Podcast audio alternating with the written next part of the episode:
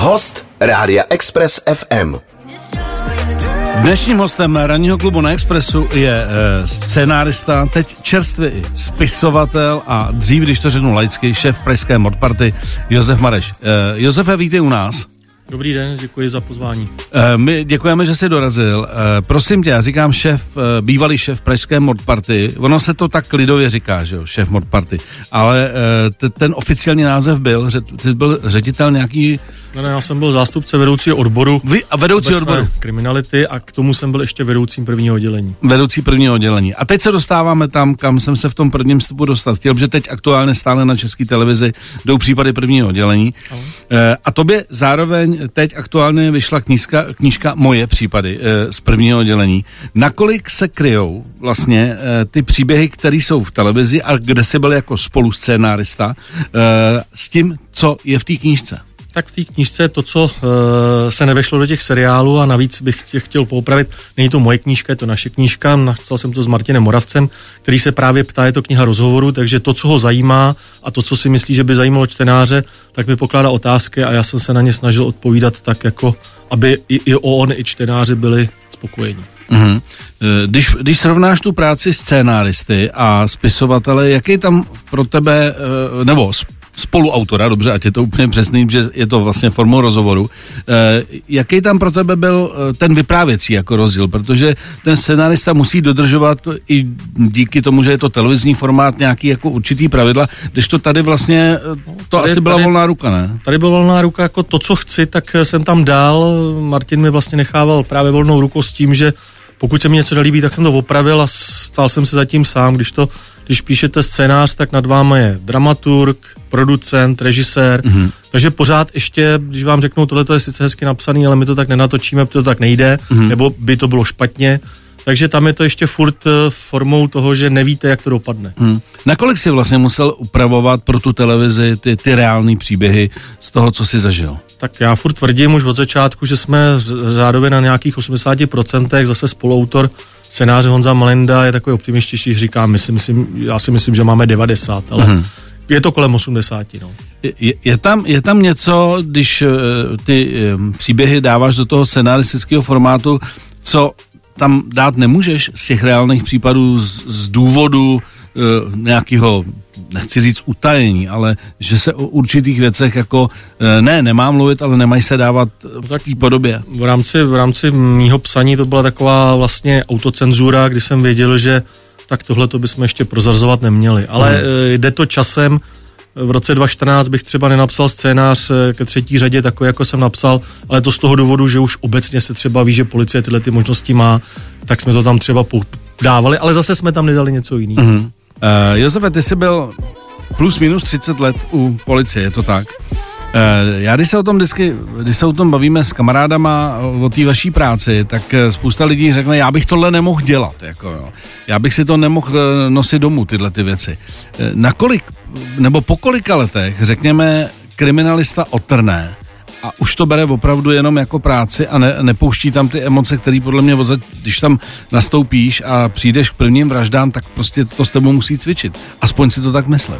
No asi ne, protože eh, kdo chce dělat na vraždách, tak takhle, kdo dělá na vraždách, tak tam chce dělat. Tam nikdo ne, nedělá z donucení, protože hmm. těch lidí, který by tam chtěl dělat, je určitě víc, než se tam vejdou na to oddělení. Takže si člověk může vybírat a jsou tam prostě lidi, kteří to dělat chtějí. Navíc eh, nemůže se stát, že by třeba jako nováček se potkal s mrtvolou poprvé, protože jsou to lidi, kteří, eh, kteří jsou, když jsou vybíraní na první oddělení, tak musí mít nějakou praxi na obvodech a tam se setkávají s, se zraněníma, s těžkýma, můžou tam být sebevraždy, nešťastný, nešťastný umrtí a tak dále.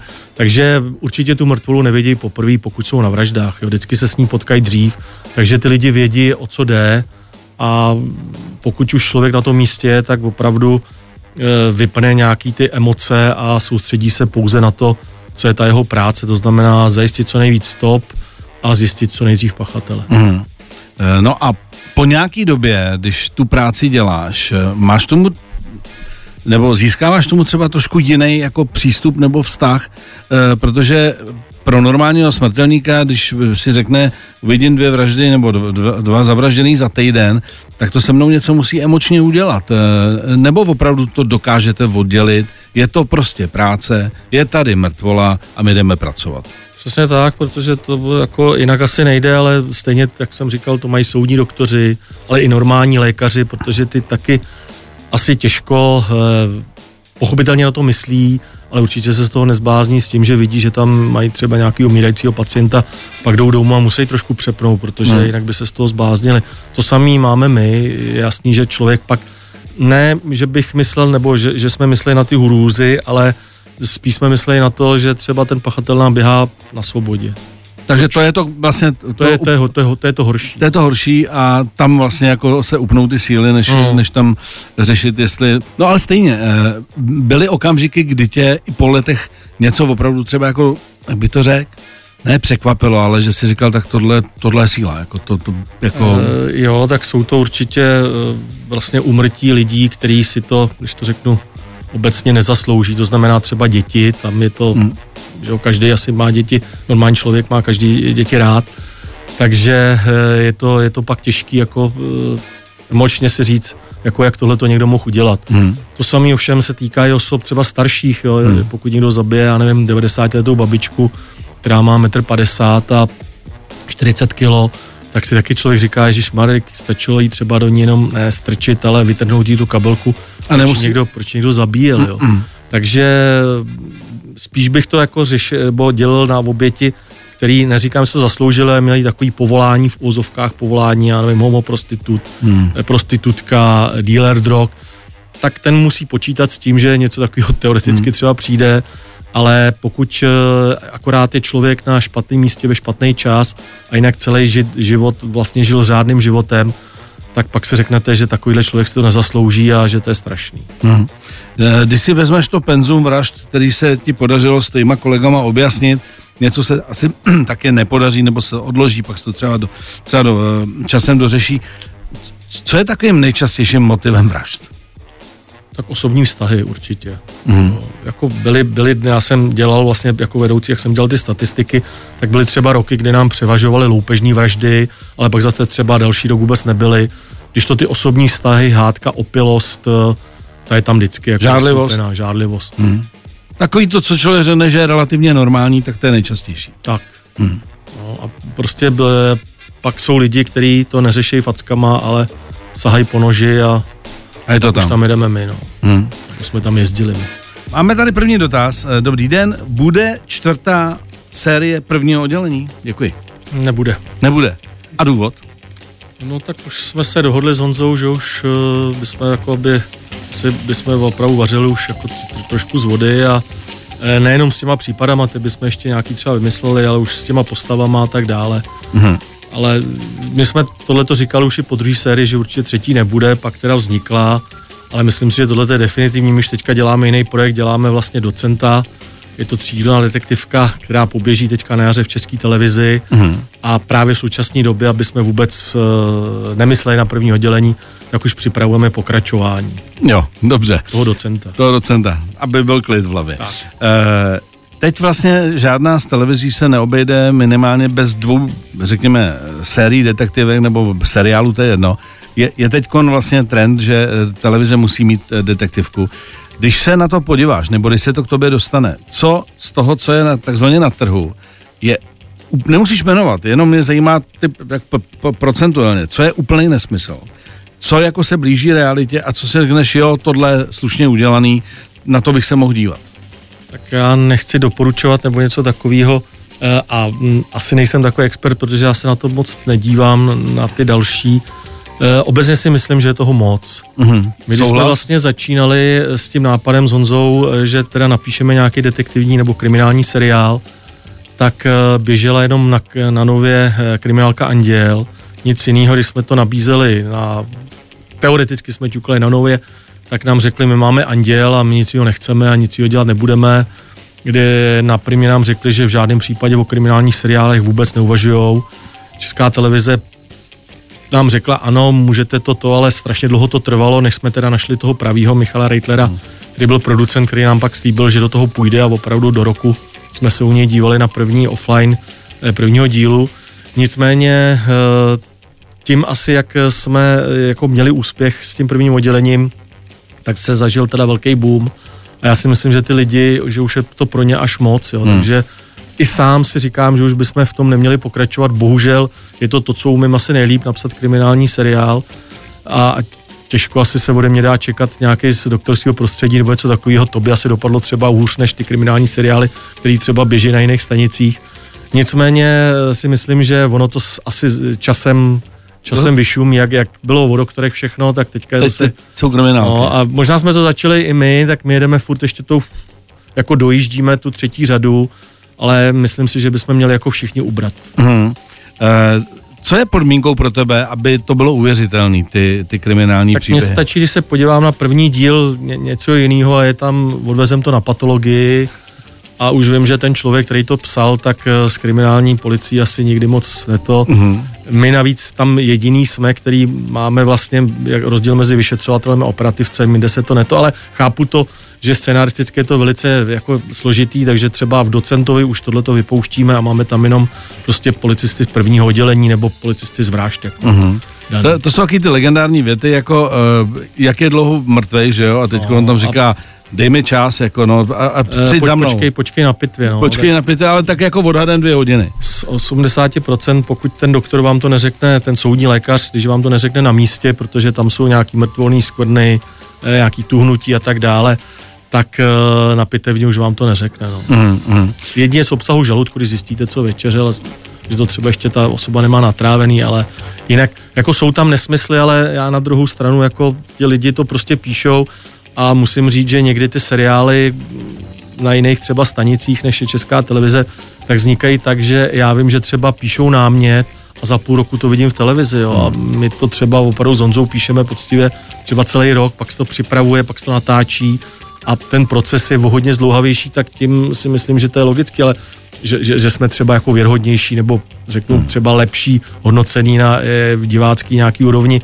ale kdyby nám třeba řekl, eh, že to máme vymyslet během 14 dnů hmm. a pak něco napsat, tak třeba by to vypadalo tak, jak by to vypadá jinde. Jo. Já hmm. nechci jako říkat, že ty scenáristi někde jsou horší, protože jsou třeba jako pod takovým tlakem šibeničným. Že to prostě musí odevzdat. Ale my máme právě s Honzou strašnou výhodu to, že my se tím neživíme, takže hmm se snažíme to napsat kvalitně, aby jsme se za to nestyděli a ne, aby jsme psali něco, aby jsme měli prostě druhý den na jídlo. No. Ještě mě napadlo jedna věta, počkejme si na DNA. Tak, no tak na to taky někdy čekáme, ale je to taková jako že se člověk jako chce ukázat, že teď je in. Ranní klub na Express FM. Josefe, začínáme dotazem. Ahoj, tady je Vašek. Eh, můžete ohodnotit faktickou kvalitu severské detektivní školy Larsen, Nesbo a tak dále? No tak... Uh, Já jsem třeba fanda severské detektivy, mě to přijde jako... Eh, čte se to krásně, mně se to líbí, žiju se do toho, je to klasická knížka někam na dovolenou. Jo, ale jako určitě, určitě to pěkný, s tím, že logicky, když to vemu z praxí, tak jako těžko by hlavní hrdina Nezba uh, takhle žil, nebo takhle by vyšetřoval problémy s alkoholem a tak dále. Hmm. To by se asi, a, asi by se takhle nedalo, ale čte se to krásně a já tomu fandím a hmm. doporučil bych to určitě. Mně, mně teda připadá speciálně takový ty Netflixové řady, které jsou jako buď inspirované, nebo jsou přímo uh, v tom severském střihu, uh, že že oni jsou takový nějaký drsnější, i ty vraždy, všechno je to takový jako hodně, hodně jako natur. Eh. Já si myslím, že to je hodně tím počasím, že většina se to stává v té zimě, že jo, kdy oni tam toho světla moc nemají, je to takový depresivní. Je to a, depresivní. No, ale, to, je asi, to je asi ten účel. No. Hmm. Málo kdy je Nesbo napsaný, že by tam měli celý den hezky a světlo. Že? Hmm. Mě to celkem dělá na podzim dobře, říkám si, je to ještě horší než v té realitě, takže si na to rád podívám. E, ale já jsem se tě chtěl zeptat na jednu věc, že vždycky, když padne výraz galerka, tak e, vlastně tím, že ty si tu práci dělal 30 let, tak e, vy jste museli ten kontakt s tím podsvětím jako mít a ty lidi vás znali. E, bereš to jako, nebo bral to jako výhodu, že vám můžou i v nějakých případech jako něco za něco pomoct, e, nebo jste se naopak snažili, abyste byli anonym, anonymní? No tak e, snažili jsme se, aby jsme byli anonymní, ale v okamžiku, když už vás poprvé poznají, tak zase je dobrý toho využít a navázat třeba s tím nějaký kontakt. Většinou, většinou nám, dá se říct, v těch vraždách ta Glerka třeba pomáhala v okamžiku, kdy se jim prostě ztratil nějaký kamarád nebo zemřel za nějakých okolností, byl zavražděný a oni chtěli, aby ten člověk byl potrestaný, chtěli o tom něco zjistit, tak tu chvilku k nám asi byli neupřímnější. No. Uh-huh. A je tam taky takový to vyjednávání, jako hele, dobře, my potřebujeme tady pomoc a my tady, neříkám, že přimůříme oko, ale budeme no. na to koukat trošku jinak. Bohužel tohle to jako moc asi nejde, no. Ono, to, je, to je pak jako jednání na hraně a řekl bych, že do tohohle toho třeba sklouzli policisti v Berdichově gengu, kdy vlastně jejich informátor už pak jako se řídili úplně jinak a e, stavili se na stejnou úroveň. Vždycky prostě ten člověk musí vědět, že musí jednat jako policista. Mm. No a nesmí to překročit určitou mez. Mm. Takže to překrývání, nebo to, e, ne překrývání, ale nějaký zavírání očí jako moc nejde, protože mm, nelze, nelze, to, nelze to takhle dělat. No. Dostal jsi se ty sám v, eh, ohledně tady toho, tak řekněme to, nebo nazveme to vyjednávání, do nějaký hraniční situace, kdy jsi měl velký dilema, že jsi no. chtěl pomoct třeba tomu případu, eh, to, tomu vyřešení, ale věděl si, že to něco bude takzvaně stát a říkal jsi si, mám to udělat, nemám to Já jsem tohleto popsal v těch devadesátkách eh, vlastně v případech té arménské nebo ruské mafie, kdy teda ten hlavní hrdina, vlastně ten poručík Tuma do toho spadnul, i když opravdu to nebyl, nebyl žádný jako konkrétní člověk, ale takhle se dřív jednalo. A opravdu za mnou přišel prostě člověk, jakoby šéf, eh, nebo hodně postavený v té hierarchii té mafie a řekl mi, protože my jsme měli zadrženého jednoho člověka, který on považoval za svého pokrevního příbuzného, když nebyl pokrevní příbuzný, byl to jeho e, nějaký, nějaký opravdu příbuzný přes čtyři kolena, ale byl z jedné vesnice, takže ho považoval svého bratra. A tenkrát byly strašní problémy eh, na Florenci, kdy vlastně ti Ukrajinci, kteří tady byli, nebo ti eh, z, toho, z tohoto prostředí, ty dělníci, tak jezdili domů a tam je prostě čekala mafie, která je okradla, bylo tam několik pobodání, když se bránili a policie s tím měla strašný problémy. A on to věděl a říká, e, máte problémy jako policie na Florenci, že jo? Říkám, no tak to asi jo. A on, do týdne e, to je tak vyčištěný, že to bude nejbezpečnější místo v Praze. Říkám, jo, tak to bude super, jo. No ale potřebuju pustit z toho mýho toho. Já jsem mu vysvětloval, že to nejde, protože e, nejenom to není jako rozhodnutí toho policisty, jestli ten člověk půjde ven nebo ne, ale navrhuje to státní zástupce, soudce rozhoduje o té vazbě, ani by to nešlo. Takže jsem to nechal, takže ještě chvilku jako nebylo nejbezpečnější místo Florence. No. Třeba i mojí chybou, ale prostě to nešlo. Tenhle ten, tenhle ten druh, teď to řeknu blbě k šeftu, není možné ale, realizovat. No a minimálně v České republice, no minimálně v Praze, ale minimálně v České republice celkově, ale bylo vidět, že on je na to zvyklý z hmm. jejich jako země, jo, a tady to prostě... Něco za něco. Tady to bylo něco jiného, no. Ne, musím se na to zeptat. Nechybí ti to uh, po těch 30 letech, když z toho vypadneš, šéfoval si pražský modpartě, byl si prostě u toho každý den, uh, bylo těžké se rozhodnout, končím.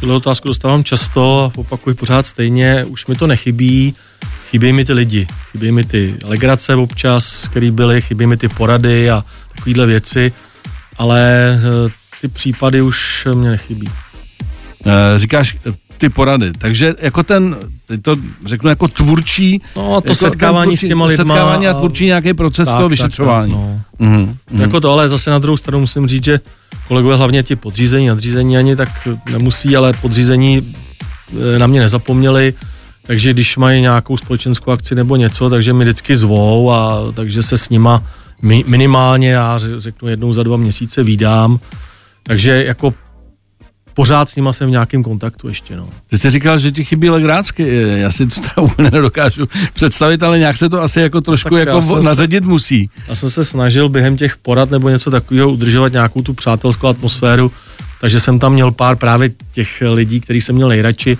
tak z těch jsem si třeba občas dělal nějakou srandu nebo něco takového.